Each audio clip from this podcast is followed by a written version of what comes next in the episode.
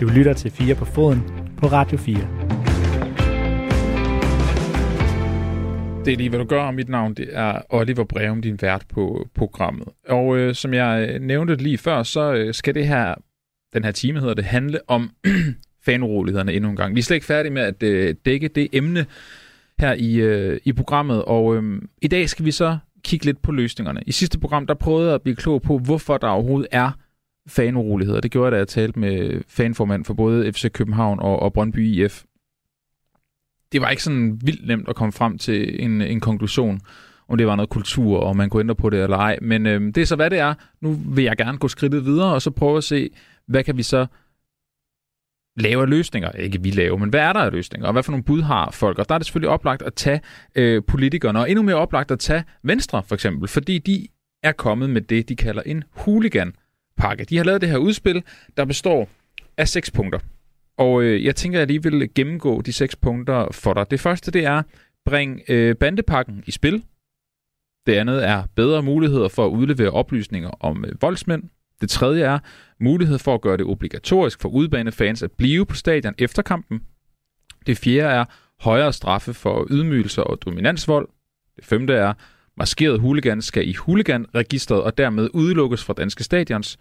Og det sjette og sidste punkt, det er, at huliganregistret skal kunne give karantæne på op imod 10 år. Det er så øh, ligesom det konkrete bud for Venstre. Det er øh, Morten Dalin, der er kommet øh, med det her øh, forslag. Han er øh, formand for Folketingets retsudvalg, han er også indrets, øh, indfødsretsordfører, hedder det, for, for Venstre, og også selv en, øh, en fodboldfan. Øh, og jeg har dig med nu, Morten Dalin. Velkommen til. Tak skal du have. Morten, øh, det er faktisk noget med, at du også selv skal til en fodboldkamp. Jeg håber ikke, det er en, hvor der er så meget på spil, at folk bliver voldelige. Nej, det er den dårligste række i dansk arbejderidræt. Okay. Så det er forhåbentlig ikke nogen hooligans, der skal ud og se, og det vil heller ikke være kønt, fordi vi, vi er ikke specielt gode. Okay, godt. Det, det er jo altid rart. Morten, øh, jeg er glad for, at du vil være med, fordi det, det jeg jo gerne vil gøre med dig de næste kvarter 20 minutter, det er at gennemgå den her pakke, øh, mere eller mindre sådan skridt for skridt, tænker jeg, og så blive lidt klogere på, hvad, hvad det er, I har tænkt i Venstre, hvad du har tænkt, og, og hvordan I tror, det vil komme til at hjælpe. Øhm, yes. Og jeg synes sådan set bare, hvis vi kaster os ud i det. Det, det første, I skriver, det er at bringe bandepakken i spil. Hvad betyder ja. det? Jamen, der skal måske lidt historisk kontekst til, og nu har vi jo god tid, så det, det håber ja, det jeg, du vil, du vil tillade. øhm, vi så jo, øh, og har set i mange år i Danmark, at der har været ret store problemer med, øh, med bandekriminalitet, som jo primært har drejet sig om to overordnede grupperinger. Det har jo enten været øh, rockerne, eller de her såkaldte øh, indvandrerbander, som så har skiftet navn og tilhørsforhold og alt muligt mm. andet igennem mange af årene. Øh, og der satte man jo for en række år siden, øh, helt tilbage under den gamle VK-regering, øh, hårdt ind med den såkaldte øh, bandepakke for at komme noget af det her øh, til livs. Og selvom øh, jeg ikke skal stå nu og påstå, at der ikke er bandekriminalitet øh, mere, så er der faktisk rigtig mange elementer af bandepakken, der har virket rigtig godt. Øh, for eksempel det faktum, at hvis man begår kriminalitet, som er banderelateret, så kan man få dobbelt op på, øh, på straffen. Og det har gjort, at nogle af de her bandegrupperinger har set, at alle deres ledende medlemmer lige pludselig er blevet spærret ind og sat i fængsel og så infrastrukturen i de her bander gået i, gået i opløsning, og så er de så ikke kunne fungere som, øh, som bande øh, mere. Og her er det så, vi siger, at hvis man i dag, og vi ved, det har været sket med, med succes, kan komme rigtig hårdt efter en gruppe Hells Angels rockere, hvis de overfalder en banditers rocker, hvorfor skulle man så ikke kunne komme rigtig hårdt efter en gruppe såkaldte fodboldfans, som overfalder en anden fodboldfan?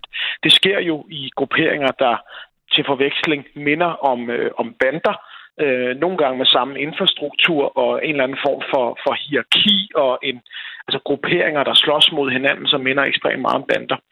Og derfor mener vi også, at man skal kunne bringe øh, bandeparken i spil, når det handler om, øh, om de her huliganbander. Ja, jeg har talt med, med Vestegns politi, det er et interview, der kommer senere i programmet, men øh, de har jo faktisk valgt, fordi det kan politikredsene nu, at lave en, en dobbeltstrafzone. Øh, de gjorde det konkret til en Brøndby-kamp, hvor, hvor Basel mm. var på besøg.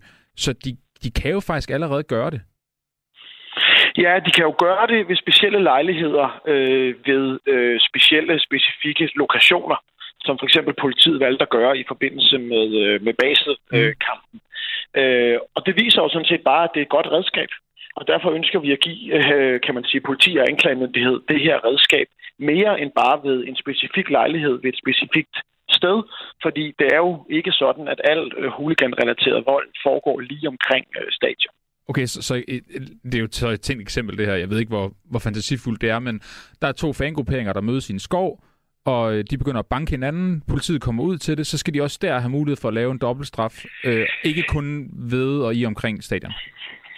Ja, altså nu det med en gruppe, der mødes i en, i en skov, øh, er, er måske et, et øh, måske ikke det bedste eksempel i verden. Et bedre eksempel vil jo være, hvis man, øh, lad os sige, man opsøger en anden øh, grupperings øh, opholdssted, og 10 mand øh, hopper ud af to biler og begynder at overfalde en anden. Øh, I sådan en situation synes jeg, og synes vi, at man skal kunne bringe øh, bandepakken i spil. Okay. Øhm, politiet, Vestegns politi, der laver de her dobbeltstrafzoner, de kan ikke nu sige, om de virker, fordi de ikke har, har gjort det godt nok. Øh, ikke godt nok, undskyld, de har ikke gjort det nok gange. Nej. Så gætter jeg på, at det kan du heller ikke. Nej, det er fuldstændig rigtigt. Men jeg kan sige, at det har været et meget effektfuldt instrument i forhold til at bekæmpe banderne. Og eftersom vi ser store ligheder mellem nogle af de bandegrupperinger, der har gjort øh, gaderne usikre, og de her huliganbander, så er vores logik, at hvis det virker over for nogle af de her bandegrupperinger, så kan det også virke over for nogle af de her huligangrupperinger. Men, men når nu for eksempel Vestegns politi er i gang med at gøre det, hvorfor så ikke vente til de rent faktisk kan gå ud og sige, hov, vi kan se, at det her det virker? Jamen, fordi vi ikke mener, at de værktøjer, de har i dag, er effektfulde nok. Altså, det er ganske rigtigt, at politiet kan indføre en, øh, en skærpet strafzone, for eksempel omkring et, øh, et fodboldstadion, som vi så i kampen mellem, øh, mellem Brøndby og, øh, og, og Basel. Men vi mener, at der er brug for et endnu mere effektfuldt værktøj, som rækker ud over bare øh, stadionet, men simpelthen kan gå længere ud i samfundet, hvor de her huligangrupperinger jo også skaber, skaber skræk og, øh, og rædsel. Og så er det i virkeligheden også lidt et, et altså, det virker lidt et principielt spørgsmål også. Fordi mm. vi synes, det er underligt, at hvis man øh, så at sige er en del af en øh, rockergruppering eller en indvandrerbande og overfalder en anden person i den relation, jamen så kan man godt bruge bandepakken og for eksempel udstede dobbeltstraf. Men hvis man er en del af en huliganfraktion, som har den samme infrastruktur, som har den samme bandetilknytning, jamen så kan man ikke. Det, det synes vi ikke rigtig giver, giver, giver mening, og derfor mener vi, at vi skal kunne sætte ind. Og jo, for at være ærlig, også fordi vi kan jo høre nogle af de mennesker, der har forstand på det her meget hardcore hooligan, hooliganmiljø, jo fortæller os, at nogle af de her bandegrupperinger altså er begyndt at infiltrere hooliganmiljøet. Og derfor synes vi bare, at det værktøj, vi har i forhold til banderne, det skal vi også kunne bringe i spil, når det er relevant i forhold til hooliganbanderne. Forskellen på, på bander og, og hooligans, der, der, der er sikkert flere, men, men en af dem er jo, at med banderne, der havde de selvfølgelig nogle, nogle ret klare rygmærker oftest, eller tatoveringer eller så videre, som gjorde, at man ligesom kunne identificere, vedkommende er fra den og den bande. Øh, hooligans har jo fodboldtrøjer på, som øh, du lige så godt kunne have på, eller som jeg lige så godt kunne have på. Er, er det ikke et problem, at, at identificering af dem bliver så generelt? Jo, øh, altså uden at jeg er ekspert i huliganmiljøet, så, så, så synes jeg nok, jeg har opsnappet rundt omkring, at der også er nogle hooligans, der bærer bestemte trøjer, og nogle hooligans, der bærer bestemte tatoveringer. Men det er klart, at ligesom med bandeparken, så vil det selvfølgelig skulle kunne bevise sin retssag, mm. at den vold, der er blevet begået, er blevet begået i relation til en, til en, øh, til en bande. Det er ikke, fordi vi foreslår at lave om på, på bevisbyrden, og det er også sådan med bandeparken i dag, at der skal man selvfølgelig fra anklagemyndighedens side kunne bevise, at den her form for kriminalitet, man har begået, er blevet begået banderelateret, og samme bevisbyrde vil jo skulle gælde i forhold til, øh, til, øh, til hooligans. Ja, jeg, jeg talte med, med forkvinden for advokatsamfundet, øh, Karoline Normand, i, i sidste uge, og hun, hun, det var så i forbindelse med den her dobbeltstrafzone, hvor hun var bange for noget stigmatisering. Og jeg kan ikke lade med at tænke, at det måske også kommer lidt her. Altså, kan du ikke frygte, at der kommer sådan en, en kriminalisering af det at være fodboldfan, hvis man laver en hooligan-pakke eller bandepakken? Nej, altså jeg, i teorien kan jeg godt forstå argumentet, men, men jeg vil sådan set vende det om og sige, at jeg håber da sådan set, at vores forslag vil, gå med, ville kunne være med til at skabe en stigmatisering af at være hooligan, mm. men ikke af at være fodboldfan. Og jeg synes, det er meget vigtigt, at man laver en skillelinje. Altså, jeg er selv meget inkarneret øh, fodboldfan og har øh, sæsonkort til, øh, til stadion øh, og, og følger mit hold i tykt og tyndt. Jo, jo, jo, desværre. Mest ja. i, i tyndt øh, følger vi dem for tiden. Øh, men men så, så jeg, kender, jeg kender udmærket godt den der følelse af det. Men, men, men pointen for mig er sådan set at få skilt øh, hooligans og almindelige fodboldfans ad fra hinanden. Mm. Og, og det skulle jeg måske virkelig have startet med at sige, og så er det jo godt, vi har lang tid, så jeg kan sige ja, ja, det. Er det. Altså, vores forslag er jo, er jo også kommet på banen, fordi vi jo sådan set ønsker at undgå en situation, hvor man øh, griber til øh, den øh, allerstørste hammer, der er, nemlig kollektiv straffe. Og, og jeg må bare være ærlig og sige, jeg frygter en situation, hvor at det her kommer så meget ud af kontrol, at det sidste greb, der er tilbage i værktøjskassen, det er at sige, så må der ikke komme udefans på stadions. Og det synes jeg bare selv vil være ekstremt øh, ærgerligt, ikke bare for mig øh, personligt, men sådan set for fodbold Danmark, fordi det faktum, at der er to fangrupperinger i hver ende af stadion, som skaber stemning og råber af hinanden, det er jo noget af det, der gør det øh, fedt at gå til fodbold. Det er noget af det, der gør, at der dukker tusindvis og tusindvis af mennesker op på stadion uge efter uge. Og hvis der ikke kommer styr på det her problem, jamen så frygter jeg så, at man vil gribe til, øh, til de her kollektive øh, sanktioner. Og det skulle vi gerne undgå, og derfor ønsker vi med de forslag, vi er kommet med, at ramme altså specifikt ned på dem, der skaber problemet, så alle de andre fredelige fodboldfans, som jo er langt størstedelen af alle, der kommer på stadions, øh, kan gå derind i fred.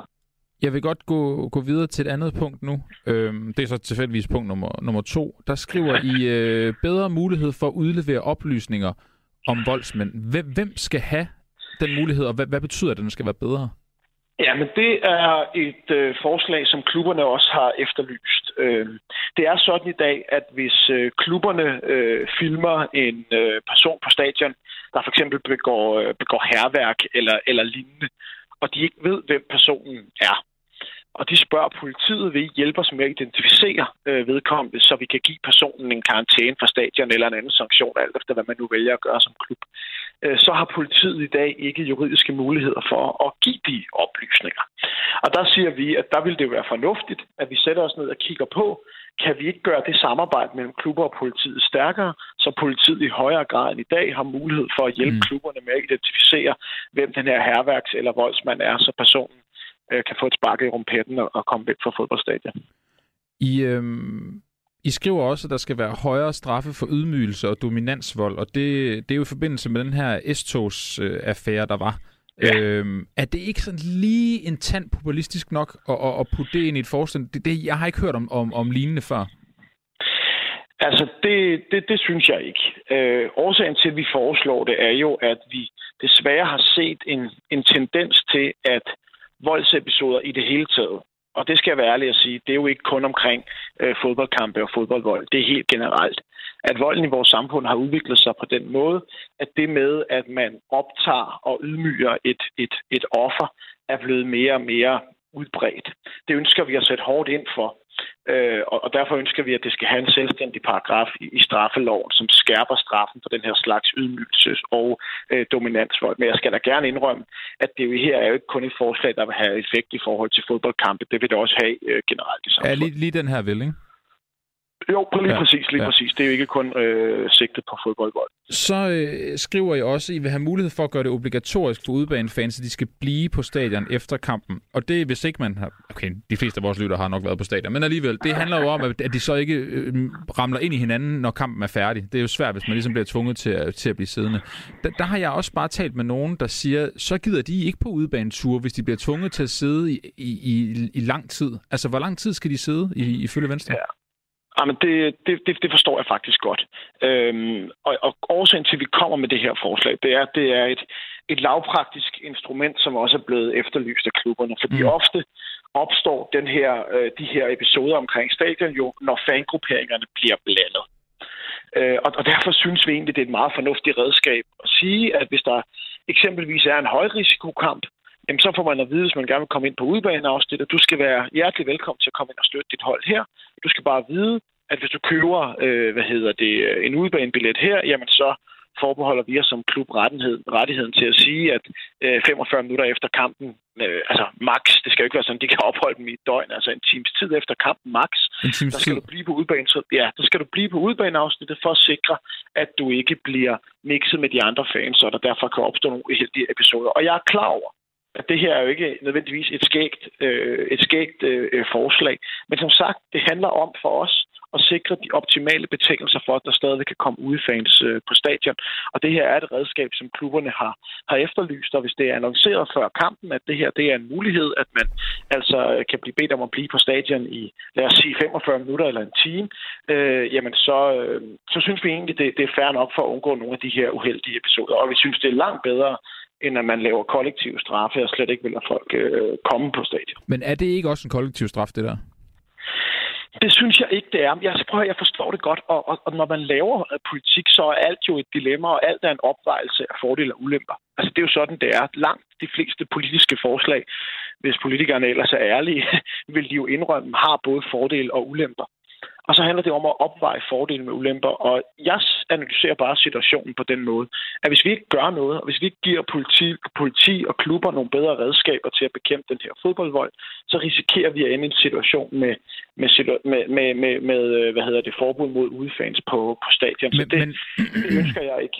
Tror du ikke, at øh, lad os bare sige øh, FC København-familien eller Brøndby-familien, der tager med på, på udebanetur til øh, Derby, de vil føle sig kollektivt straffet og måske endda også kriminaliseret, fordi de skal sidde i 45 minutter længere, fordi der er en gruppe til højre for dem, som ikke kan opføre sig ordentligt? Jamen, det forstår jeg godt ikke er det mest behagelige i, øh, i hele verden. Men jeg tror også, at øh, rigtig mange fans vil sige, jamen, altså, at det er jo fornuftigt nok for at undgå, at grupperne bliver blandet, fordi vi jo godt ved, at øh, mange af de uheldige situationer, der opstår i forbindelse med fodboldkamp, det er fordi, at fangrupperingerne bliver, øh, bliver, bliver blandet. Øh, så, så derfor står jeg fuldstændig på mål på vores, for, vores, øh, øh, for vores forslag.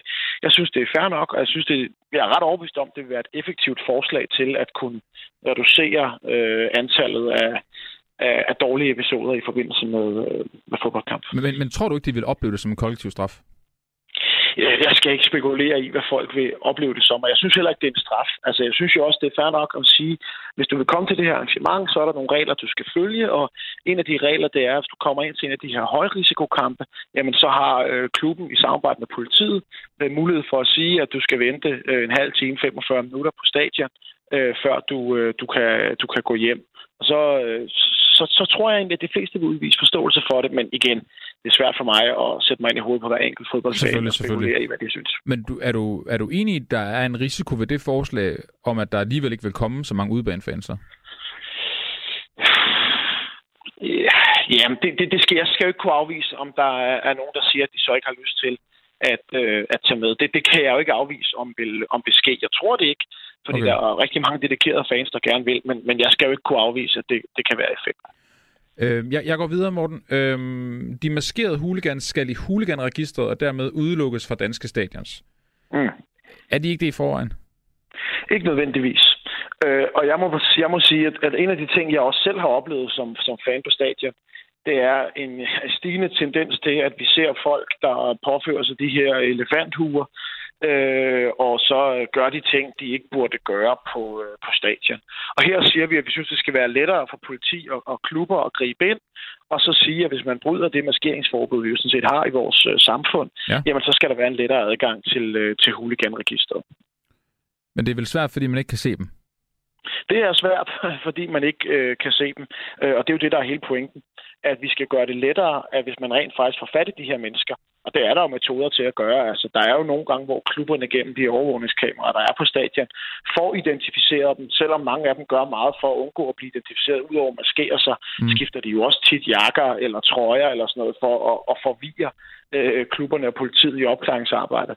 Men hvis man får opklaret det, jamen så mener vi, at der skal være lettere adgang til at putte dem i, i huliganregisteret, fordi øh, hvis man går på fodboldstadion og trækker en elefanthu over hovedet, så er det jo fordi, man gerne vil skjule, hvad man render rundt og laver, fordi det ikke er i orden.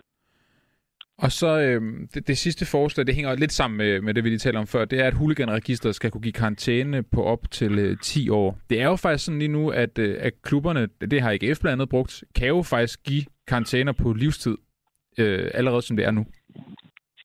Ja, vi synes bare, det er en god idé at give huliganregistret den ekstra øh, slagkraft, at man kan få en længere tids øh, karantæne. Altså, huliganregistret går hvis normalt på to år, og så kan det gå op til, øh, til fire. Ja. Og vi, vi synes, det er en god idé at sige, at hvis der er nogle ekstremt øh, voldsomme øh, tilfælde, det kunne også være gentagelsestilfælde. Altså, man en gang har været i huliganregistret, man er røget ud, og man gør noget, så man kommer ind i registret igen, jamen så kommer der en, øh, så kommer der en ekstra sanktion. Øh, og det, det handler jo også et eller andet sted om retfærdighed. Altså man har fået en chance, man er kommet tilbage og sagt, nu er du velkommen øh, tilbage, og man så bryder reglerne igen på en voldsom måde. Så synes vi, der skal være en, øh, en hård sanktion. Hvorfor ikke livstid?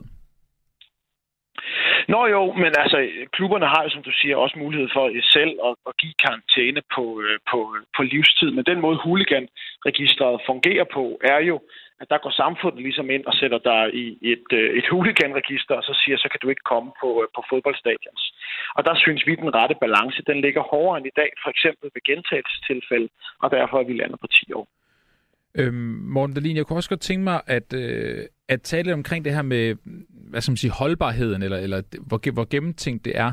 Altså, jeg, jeg er med på, at du selvfølgelig både tror og håber og mener, at, at det her det vil virke, men har du nogle erfaringer fra andre lande, eller hvad ved jeg, i forhold til kampen omkring, øh, omkring huliganisme og, og de her forslag?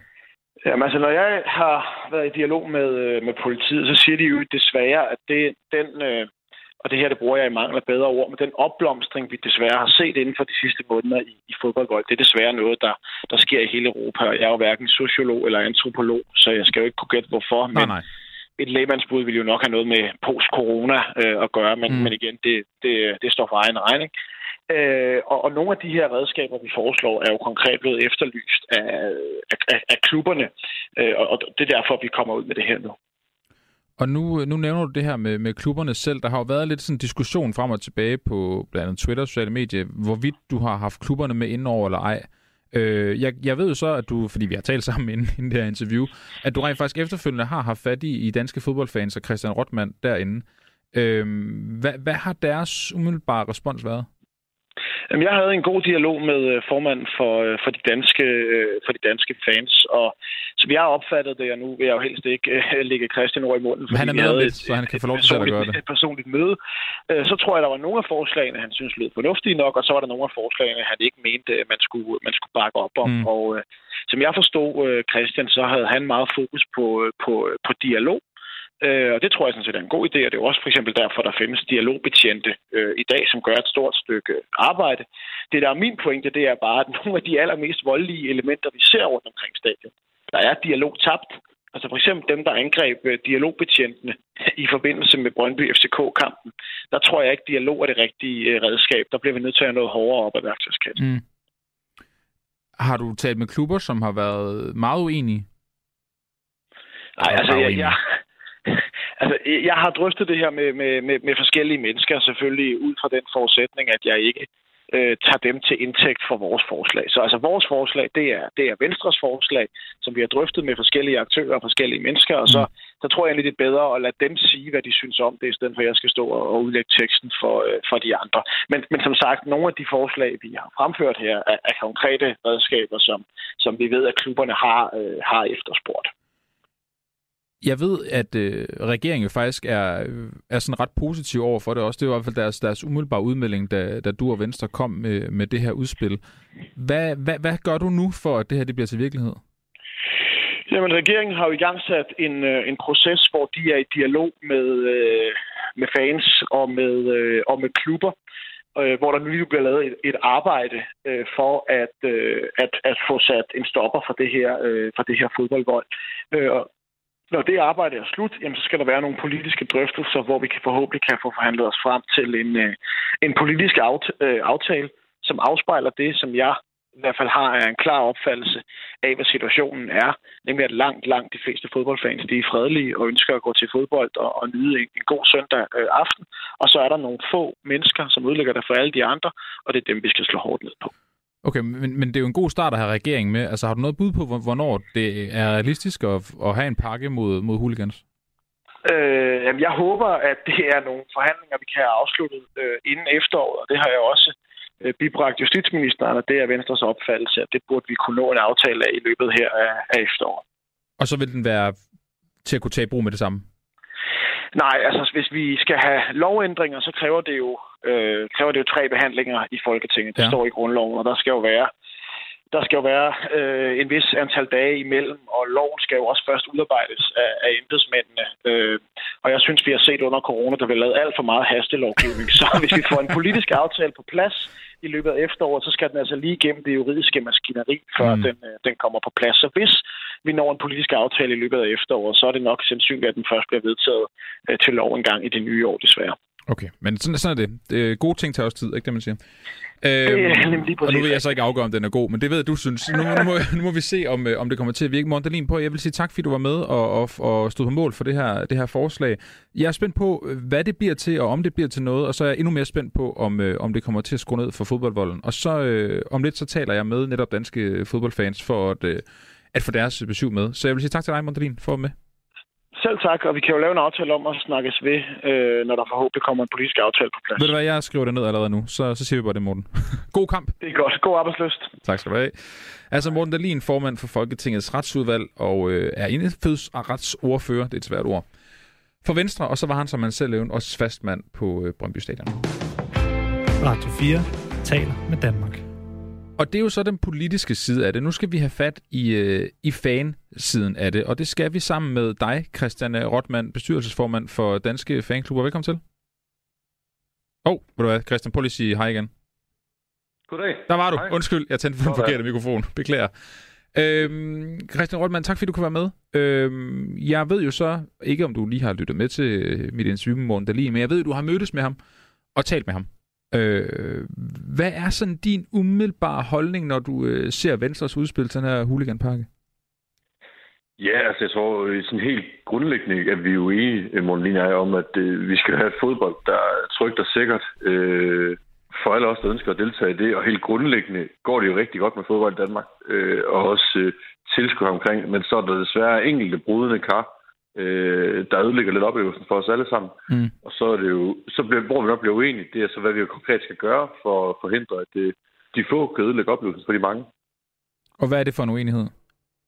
Jamen, jeg, jeg, jeg tror helt grundlæggende, at, at vi er uenige om, hvordan man løser problemet. Øh, jeg, jeg synes lidt desværre, at det, den, det bærer præg af den gamle øh, forståelse om, at mere straf er bare øh, mere godt, jeg lige vil sige. Øh, men man tror, man kan straffe ud problemet her. Jeg synes øh, med al tydelighed, og det fortæller forskningen også på området, at så tænkes der ikke i straf i gerningsøjeblikket. Øh, så vi skal løse problemerne lang tid før, at vi kommer ud i en situation, hvor vi skal til at straffe folk. Vi skal blive langt bedre til at afvikle kampen, Vi skal blive langt bedre til at forudse, øh, hvad, hvad der kommer til at ske. Det vil sige ikke, fordi vi skal til at synske politifolk og vagte og alt muligt andet.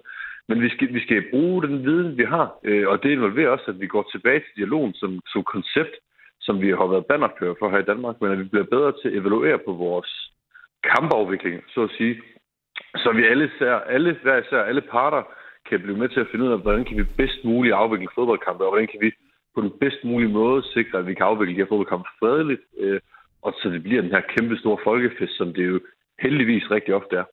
Christian Rotman, det, det lyder også som, at du igen er inde på noget med dialog, og man skal have efterkritik og sådan noget. Kan du forstå, hvis der er både fodboldfans og også politifolk, og så også, som vi kan høre nu, Morten Dahlin, politikere, der er ved at være der, hvor de siger, nu, nu, nu skal der ikke snakkes mere, nu skal der handles? Det forstår jeg 100%. Øh, jeg synes desværre, at det, det indikerer også et mangel på indblik i den udvikling, man har gennemgået øh, i de sidste mange år. Øh, fordi at ja, vi har snakket rigtig meget om dialog og andet. Vi er desværre rigtig dårligt til det, desværre. Øh, det, det, er jo, det er jo en indsigt, det, man ikke bare har øh, som udforstående. Men, men vi er blevet langt dårligere til at, at, at, at planlægge os ud af rigtig mange problemer. Øh, og det, det er jo det, vi ønsker, at vi finder tilbage til. Vi har jo haft det her dialogkoncept i Danmark, øh, som vi virkelig har fået internet ros for, og det er også noget, vi har været rigtig glade for, og vi har det været lidt sådan en stående joke til vores årlige seminar, når Rigspolitiet kom forbi og sagde, at nu er der så rekordlave anholdelser og episoder igen. Øh, desværre har vi set et skift øh, i de seneste tre år. Det begyndte allerede før corona. Mm. Øh, og, og, og, og hvad der så er skyld i det her skift her, det, det, det skyldes rigtig mange ting. Øh, så jeg vil ikke kede lytterne med at sådan, øh, gå sådan en dybe analyse igennem. Jamen, det må du egentlig men, gerne. Men, ja, men der, men der er sket noget så lavbragt som den her uddannelse af dialogbetjente, den foregår decentralt. Det vil sige, den foregår lokalt i de enkelte butikkreds. Så der er ikke længere nogen fast rettesnor efter, hvordan man skal uddanne dialogbetjente. Det betyder og så det var Rigspolitiet før, eller hvad? Ja, det er jo Rigspolitiet gjort det før, ja. og, nu, og nu håndteres af de enkelte politikkreds. Så, så, så hele uddannelsen, den, den faglige baggrund og den, øh, den øh, opsætning, om man vil, som politiet har til kampene, afvar, eller øh, varierer rigtig meget fra kreds til kreds. Og det, det giver bare nogle helt lavbragte problemer, fordi man er, man, er, man, er ikke, man er ikke enig om den vidensbank, man har at trække på, når man skal afvikle kampene. Og det synes vi er utroligt problematisk, fordi man har haft, man har haft en vinding den, den vindende formular, om man vil, hvis vi lever i sportens termer, Vi, vi, vi, kender, vi kender godt opskriften på, hvordan vi sikrer de bedst mulige oplevelser. Desværre selvfølgelig er vi ikke lige nu. Og det er problematisk, og det er det, vi ønsker at tilbage til at sige. Vi, vi, vi, vi ved, hvordan vi skal vinde. Vi ved, hvordan vi skal skabe de bedst mulige oplevelser. Så lad os gå tilbage til den måde, vi afviklede på før, og sikre, at alle har en god oplevelse. Det er ikke kun godt for den enkelte fan, det er ikke kun godt for fodbolden, det er også godt også trygt og sikkert ultimativt op for, også for politibetjentene. For det kan ikke understreges nok, at fodbolden skal være sikker for alle fans og politibetjente, som vagter som alle andre. Nu, nu, nu nævnte du det her med, at dialogen er blevet dårligere øh, inden for de sidste to-tre år. Hvem har ansvaret for, at den dialog er blevet dårligere? Jeg synes jo, vi alle sammen vi er, vi er ansvarlige. Det, det, altså, okay, men hvorfor har I så ikke øh, gjort noget? Jamen, det er et godt spørgsmål. Vi har forsøgt, øh, vi har forsøgt fra vores side at blive involveret øh, langt mere i, i planlægningen øh, til de enkelte kampe, og, og, for, og få understreget over for politiet, hvor vigtigt det er, at vi egentlig synes, at de tager os med på råd. Og, der. og, det, og det kan godt lyde som det er en ansvarsfraskubbelse, øh, men, men det er det altså ikke. Vi, vi synes bare, at der går utrolig meget, øh, mange gode kræfter til spild, hvis politiet ikke formår øh, at involvere fans. Og jeg synes, mange af de sager, vi har set eks- eksplodere lige fra, øh, også været eksponeret rigtig meget i medierne, at der er simpelthen begået så eklatante fodfejl i selve planlægningen. Og det er det, vi godt vi ønsker at, ja, at udbedre og forhindre sker. At vi, det, det giver ikke nogen mening, at vi ikke anvender den viden, vi har tilgængelig. Så, så lad os anvende den viden, vi har tilgængelig, og sikre, at vi alle får den bedst mulige oplevelse til kampene, og også at kampene bliver afviklet på mest fredelig vis. For det vi ser, det er jo lokalt, så samarbejder øh, fans og politi jo rigtig godt sammen. Men problemet er, at det er også, altså problemet tit opstår, når vi tager på udebane. Mm. Og vi har det her fans fra forskellige butikkreds, der mødes, fordi der er ikke den samme dialog, og der er derfor ikke den samme forståelse for, hvordan vi et sted vil sikre den bedste oplevelse. Jeg synes, det, at, at det fungerer lokalt øh, hos de enkelte klubber, fortæller os jo også et eller andet sted også, at dialog virker jo. Dialog virker, når vi kender modparten. Så forstår vi deres handlingsmønster, vi forstår, hvordan vi kan afvikle den her kamp på den bedst mulige måde. At den viden så går tabt, når, vi, når man rejser ind i en ny politikreds, er utrolig ærgerligt, og det er det, vi skal gøre, hvad vi kan. Og det skal vi også. Vi skal også, vi skal også kræve, vi, vi har måske fået været for nemme til at acceptere, eller villige til at acceptere, at nu er vi ikke længere involveret i planlægningen, og, og så har man ikke gjort nok. Vi skal blive bedre til at holde, holde på, at vi skal simpelthen være en del af det her. Fordi for os se, er fans en central del i sikring af afviklingen af fodboldkamp på den bedst mulige måde. Og der har vi ikke været skarp nok, og det må vi være. Og det er også noget, hvor vi sender på os selv og siger, vi presser ikke nok på, øh, også med alle de øh, reformer, der har været, eller ændringer af Rigspolitiet, og hvordan den her, øh, hvordan selve dialogkonceptet er blevet fanget af politiet. Der har vi ikke været kritiske nok. Der skulle vi have været mere vågen, og det, det er nemt at sidde og sige nu. Øh, heldigvis er vi blevet inviteret ind til den her ekspertgruppe øh, under Rigspolitiet, som skal komme med forslag til øh, justitsminister omkring lovændringer, og det er jo også en kritik, vi tager med der. Noget, der, der undrer mig, Christian Rotman, det er, når, når man taler om dialog og fanuroligheder, så, så er dialogen altid peget meget ud af, synes jeg. Altså, det er en dialog, I har med politiet. Det er en dialog, I har med klubberne, osv. osv., osv. Kunne det tænkes, at fanklubberne måske skulle have en dialog med sig selv, og med de grupperinger, der er inde i den enkelte fan? Ja, Klub. altså helt klart, at det, det, det, det, det er vi jo nødt til at have, og det har man jo også haft øh, tidligere. Jeg tror, der har, været, der, har, der har været en vis berøringsangst, og jeg tror også, det, vi, det store skift, vi ser nu, hvorfor vi faktisk også løfter problematikken et andet sted op på det her niveau. Fordi vi skal jo huske på, på trods af de problemer, der har jo, er jo stadig relativt små, hvis vi tager de historiske briller på. Men det skift, der er kommet nu, det er, at folk ikke længere vil acceptere det. Og det er jo også det nødvendige skift, der er kommet. Så, så, så fangrupperinger imellem officielle fangrupper og andre grupperinger skal også være langt bedre til et eller andet sted at, og, øh, og afstemme forventninger et eller andet sted. Ja, fordi, øh, Christian Rottmann, jeg må bare sige, hvis jeg skulle løse et problem, så vil den, den, jeg helst vil have dialog med, det var dem, der lavede problemet, og ikke dem, der prøvede at stoppe problemet. Nej, men jeg, jeg, jeg tror, der er også folk, der øh, i Lev selv Fængsel ønsker at stoppe problemer. Ingen tvivl om det. Øh, de gør, hvad de kan. Øh, og det vil de vi jo fortsat gerne gøre et eller andet sted. Og det er jo også der, vi mener, at vi er en, en, en værdifuld ressource over for politiet, fordi at det, uden der skal gå sådan en, politimand øh, op og så lege tribunepoliti og muligt andet, så er vi jo nødt til at sige, Hvorfor at det ikke, ikke kan en dialog med folk. Men, men, men vores viden kan et eller andet sted være en utrolig stor øh, fordel for politiet, og det er også sådan set derfor, vi også ønsker at viderebringe. Men, men hvor, det er sjovt, du siger det. Hvor, hvor, hvorfor egentlig ikke lave, at der er et fanpoliti internt i fanklubberne? Jamen, jeg ved ikke. Nu synes jeg, at vi har allerede set, hvor, hvor meget folk de brokker sig over selvjustits og alt muligt andet. Øh, det er lidt at bevæge sig ud af den tangent. Øh, men så må de jo bare bokse Ja, øh, men, men, men, men, men, men det skaber en kompleks situation også, fordi vi skal jo også sikre, eller andet sted, at man også kan, at den personlige sikkerhed øh, stadig vejer tungest i alt det her. Så, øh, ja, det forstår jeg ikke. Så det jeg, jeg, jeg, kommer, jeg, kommer ikke, jeg kommer ikke til at opfordre en enkelt fan til at gå over til, at eksempelvis rykker sæde op, og så, skal, og så bede pågældende om at stoppe. Jeg synes, det, jeg synes, det er for meget ansvar at lægge ja, okay. individ. Ja, okay. Øh, og det, vi, vi, vi er nødt til at sikre, at den enkeltes fansikkerhed er første prioritet. Det skal det altid være, og jeg synes også generelt, hører jeg, at der er, der er jo en dialog. Man er uenig om, hvordan man skal afvælge kampene, og der er også der, der er et stort problem i, at de, der laver problemerne, ikke altid er lige organiseret. Så hvem går der til på en hverdag, hvor adrenalin ikke pumper, og man ikke står og rykker sædet op? Det er jo også et helt stort spørgsmål. Men der er jo der er en misforståethed i, at nogen, der tror, at, at al vold er, og herværk er øh, et sagssystem. Det er det på ingen måde. Øhm, er, er der nogen grund til, at, at når du øh, nævner endnu mere dialog, at du så netop siger dialog med politiet, før du siger dialogen med de andre fangrupperinger? Tror, dialogen med de andre fangrupperinger eksisterer allerede nu. Øh, vi kan bare ikke løfte opgaven alene internt i, i, i fagmiljøerne. Det har vi jo vist været tydeligt. Vi har heller ikke kunne løfte øh, problemerne og løse problemerne med, med, hvad hedder det, med fans og klubber alene. Vi er nødt til at have politiet med over. Mm fordi politiet er en fuldstændig central part i at kunne deeskalere situationer og sikre den bedst mulige afbygning. De er jo utrolig gode til det job, de laver, og vi har jo set det historisk set, hvor, hvor, hvor effektivt det er at have et politi, der faktisk forstår de problemstillinger, som faktisk står overfor, og kan være med til at deeskalere alle situationer. Så jeg synes, vi ønsker set bare det gode politi tilbage, som vi har haft i så mange år, og vi ønsker at, at, at sikre, at de her små øh, begivenheder til der, der kan antænde situationer, at vi minimerer risikoen for dem, så vi også minimerer risikoen for, at vi skal ud og straffe folk eller andet for os at se, at det er, fuldst, at det er jo et eller andet sted galt Mathias, at vi har et fokus på at straffe folk, når, når gerninger er begået. Vi så langt hellere, at vi bare faktisk sikrede, at vi ikke kom ud i en situation, hvor vi skulle til at straffe folk. Og det er sådan set der, vores fokus ligger. For det er ingen men, tvivl om, hvis folk begår lovligheder, så skal de straffes, naturligvis. Men der har vi et velfungerende retssystem, der gør det. Men, men kan du forstå, at det kan virke sådan lidt utopisk, at, at, at man skal øh, altså være, altså nærmest kigge ud i fremtiden og prøve på at, at, at forudse det her? Du siger jo også selv, at noget af det opstår spontant. Det er ikke det, er ikke det hele, der ligesom er organiseret øh, ballade, vold, hvad det nu kan være. At der så er nogen, der tænker, hvis nu vi laver nogle hårde straffe, så, øh, så, så er der i hvert fald måske færre, der vil gøre det, og hvis der kommer store, lange karantæner, så gør det virkelig ondt, så gør man det kun den ene gang måske. Jamen, hvis vi skal angribe på flere punkter, vi kan jo sige, at først og fremmest, længere straffer virker ikke. Det er fordi, man tænker ikke i straf i gangsøjeblikket. Så, og det er forskning, der fortæller os også, også det. Så, så behøver vi ikke at gå længere ud den tangent. Nej, men, men, men, men alligevel, alligevel, hvis nu vedkommende så får en 10-årig lang karantæne, så behøver vi i hvert fald ikke tænke på ham i 10 år. Eller hende, for nu Nej, eller, eller, eller så er du straffet pågældende så lang tid, at der ikke er noget incitament til at forbedre sig selv.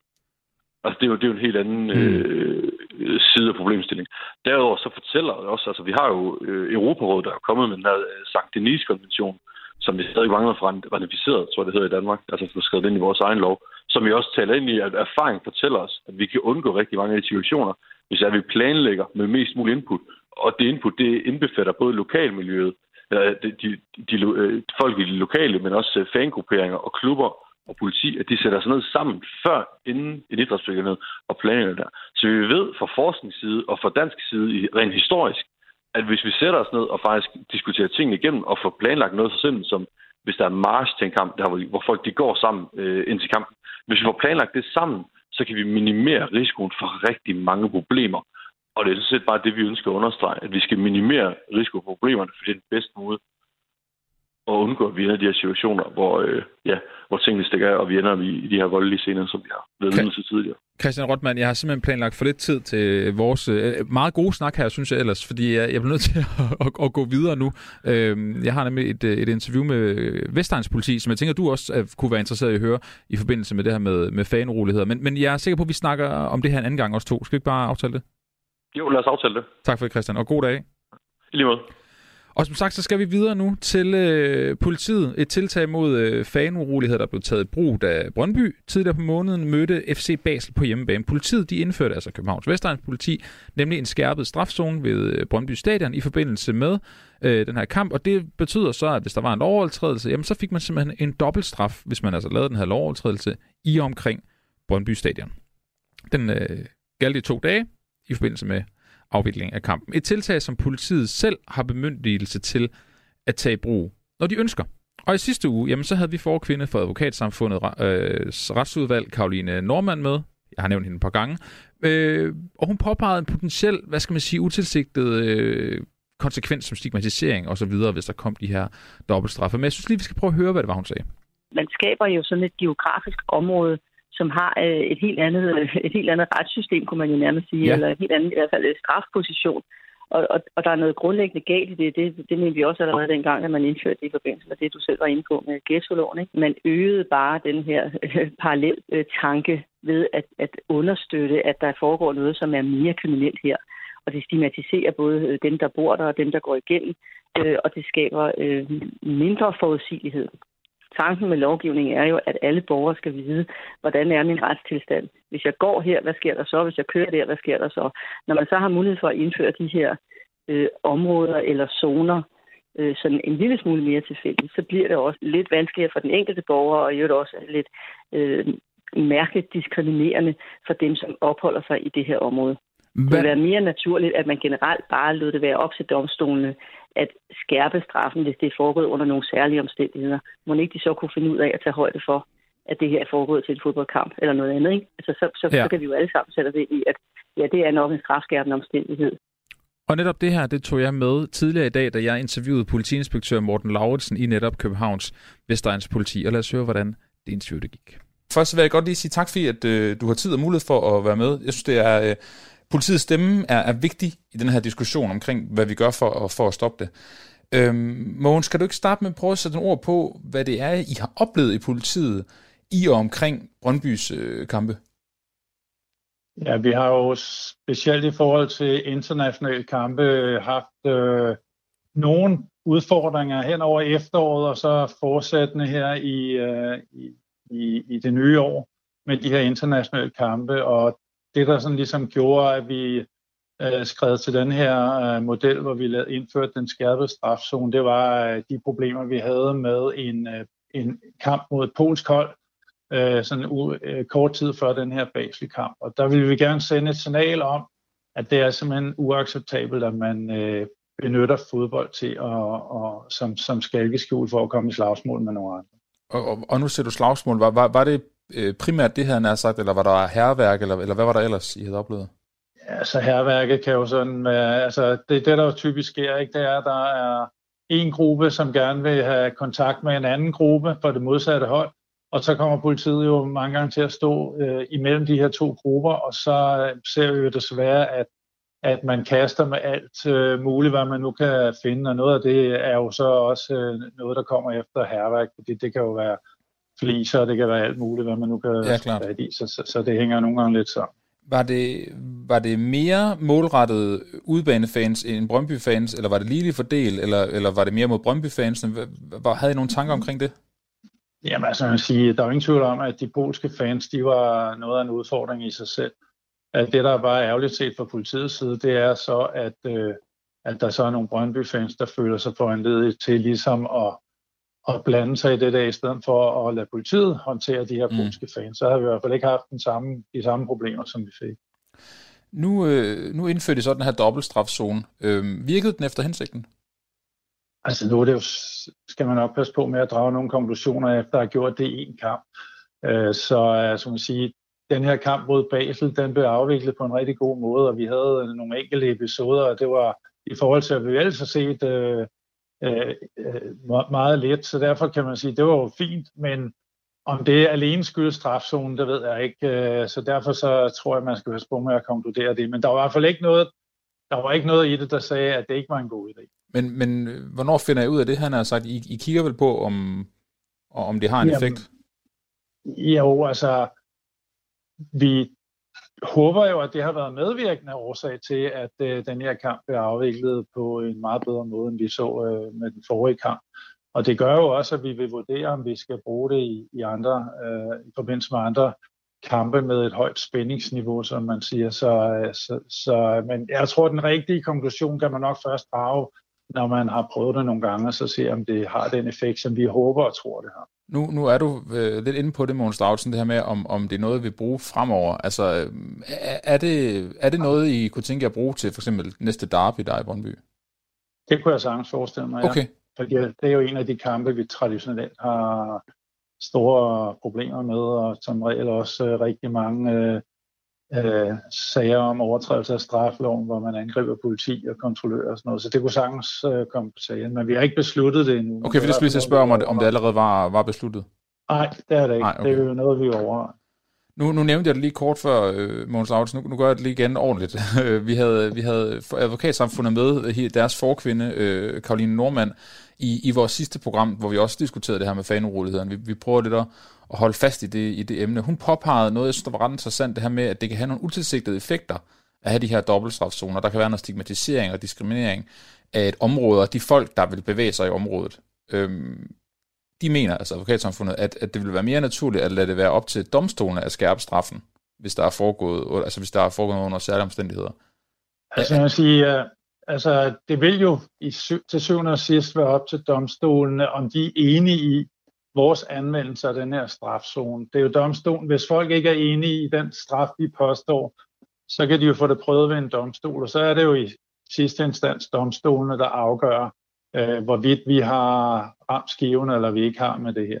Men, men øh, har, I, har I overvejelser omkring det med, at når man laver en strafzone, hvor der også går folk rundt, der ikke har tænkt sig at gøre noget ulovligt, at man så stigmatiserer dem samtidig med, at man gør det? Altså, at det måske kan altså, skabe nogle gnidninger? Altså, hvis man ikke laver noget ulovligt, så kan man jo ikke blive ramt af en uh, skærpet strafzone. Så det er jo kun dem, der laver noget ulovligt i den her zone, der kan blive ramt af det.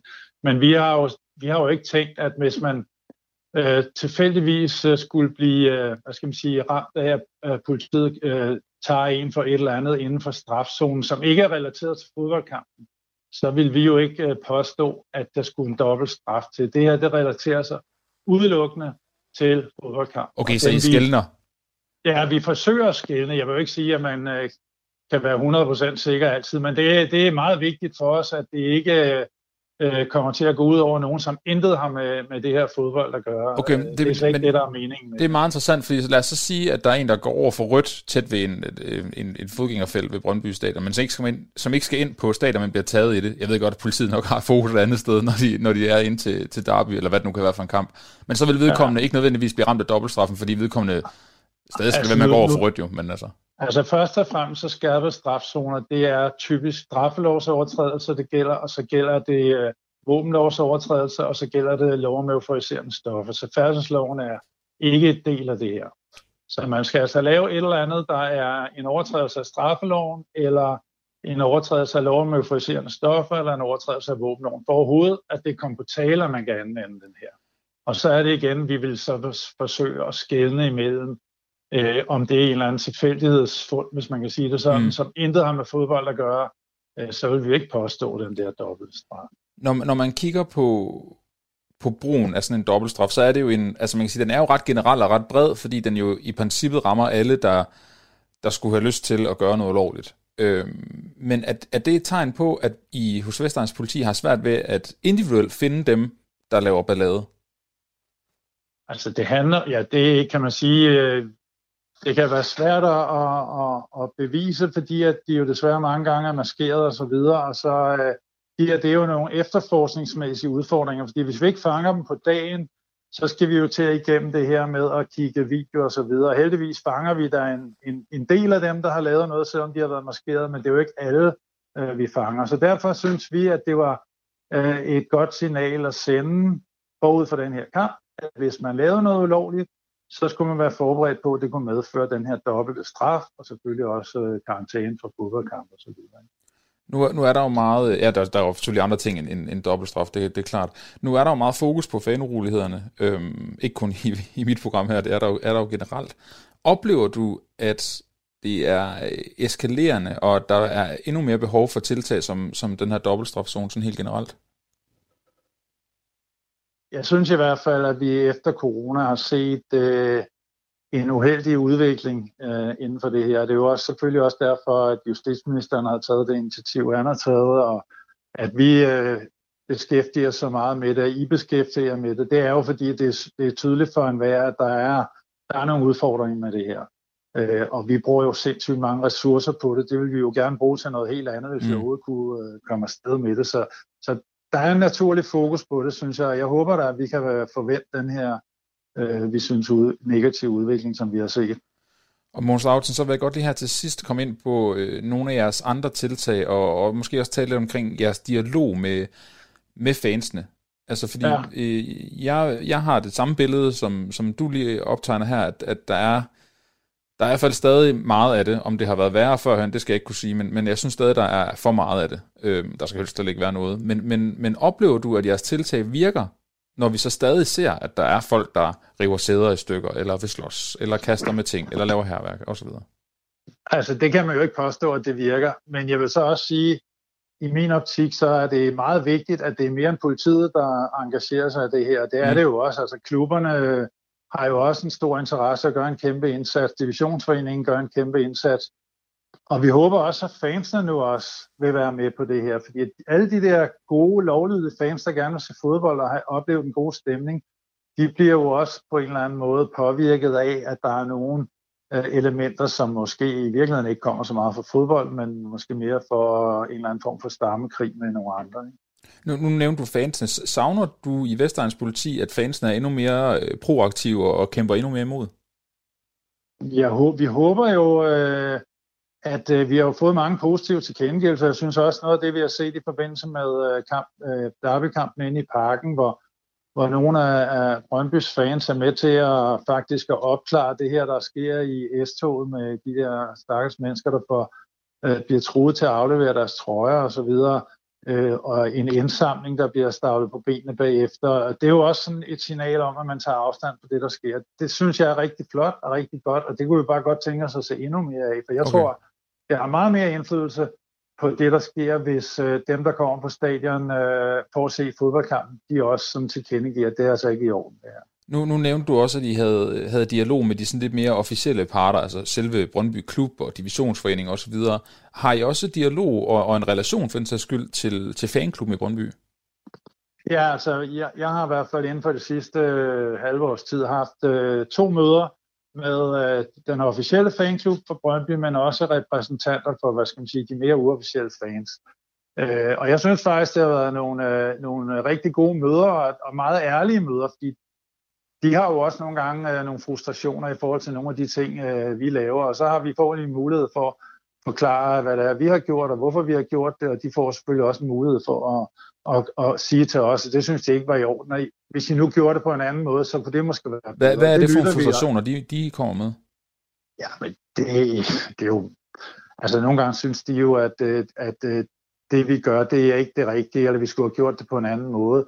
Hvad kunne det være? Det, Ja, men det er jo... Øh, det kan jo altså for eksempel øh, øh, fanmarscher og sådan noget, om de skal gå den ene eller den anden vej, eller om vi har været hurtige nok, eller for langsomme, eller taget fat i de forkerte. Altså, det er jo, mm. det er jo rigtig mange forskellige ting, også fordi, at altså noget, noget af det, øh, fansene siger, er jo givetvis rigtigt, for selvom vi synes, vi gør et godt stykke arbejde, så kan du ikke undgå, så vi også kommer til at lave fejl. Øh, jeg siger bare til dem, lige meget om vi så skulle lave en fejl, så legitimerer det jo ikke, at man angriber politi eller kontrollører eller andre fans. Altså det kan jo aldrig være en, øh, en legal årsag til at, at lave ballade eller lave vold. Men vi skal da lytte til det, de siger, det gør vi også, øh, og så, øh, og så prøver vi selvfølgelig at, at rette de ting til, som de siger, som vi også øh, godt kan se, det kunne der godt være noget i. Så retter vi det selvfølgelig til, fordi vi har jo også en interesse i øh, at løse det bedst muligt. Så det her til sidst, Mogens øh, Lauritsen, hvis vi, hvis vi skal kigge fremad, så, så virker det som om, at der er et stort ønske blandt mange i hvert fald om, at der skal være mindre vold, mindre herværk osv. Og det er, jo, det er jo et godt ønske, kan man sige, men hvad tror du, der skal til, for at vi oplever, at det i hvert fald er mindre, end det er lige nu? Det er jo, det er jo dine kollegaer, der, der også står derude og ser, hvad der er, der sker, og også skal reagere på det selvfølgelig. Men, men hvad tænker du, der skal ske mere? Både måske fra jeres side af, men også, også for andre, hvis du har, har bud på det? Jamen, jeg tror, altså, jeg tror at sådan en, en, øh, en mangesidet øh, indsats, som vi prøver lige nu, hvor man siger, jamen, øh, at vi er enige om, at nogle af de ting, der sker, eller mange af de ting, der sker, det er simpelthen ikke i orden, og det er ligesom bliver talesat, og klubberne øh, gør alt, hvad de kan, og vi gør alt, hvad vi kan, og fansene også er med til at ligesom tilkendegive, øh, at det er simpelthen ikke i orden at tage afstand fra det. Så tror jeg, at man kan komme rigtig langt. Så lød det altså fra Københavns Vestegns politi der er ikke så meget tid tilbage af programmet nu. Jeg synes, det er interessant det her med, hvorvidt dialogen skal virke, eller hvorvidt det skal være en, en politisk huliganpakke for Venstre, der skal gå ind og, og gøre det. Noget skal der ske, det vil jeg give øh, politiinspektøren ret i her, at øh, der er jo stemning omkring, at der skal komme en eller anden form for ændring. Jeg kunne godt tænke mig at fokusere endnu mere på fanklubbernes ansvar og, øh, og kigge på, hvad de gør, og om de gør nok for at øh, markere og sige højligt, at de er imod de her uroligheder, og, og prøve at sætte en stopper for dem. Det er noget, vi i hvert fald vil fortsætte med at jagte her på fire på foden. Ligesom jeg kan fortælle, at vi også kigger på at øh, blive klogere på øh, skader inden for kvindefodbold og smertestillende. Det er noget, der er kommet efter vores øh, dopingfokus. Øhm, det er også noget, vi kigger på, også øh, udstyr til kvinder. Ligesom at, øh, at vi også fortsætter med at kigge på, på betting selvfølgelig, og, og alt det andet. Også doping. Vi er ikke helt færdige med det. For nu vil jeg bare gerne sige øh, tak, fordi du lyttede med den her gang. Det har været en fornøjelse at sende det for dig. Mit øh, navn det er Oliver Breum, og nu skal du have nogle nyheder, fordi klokken den er blevet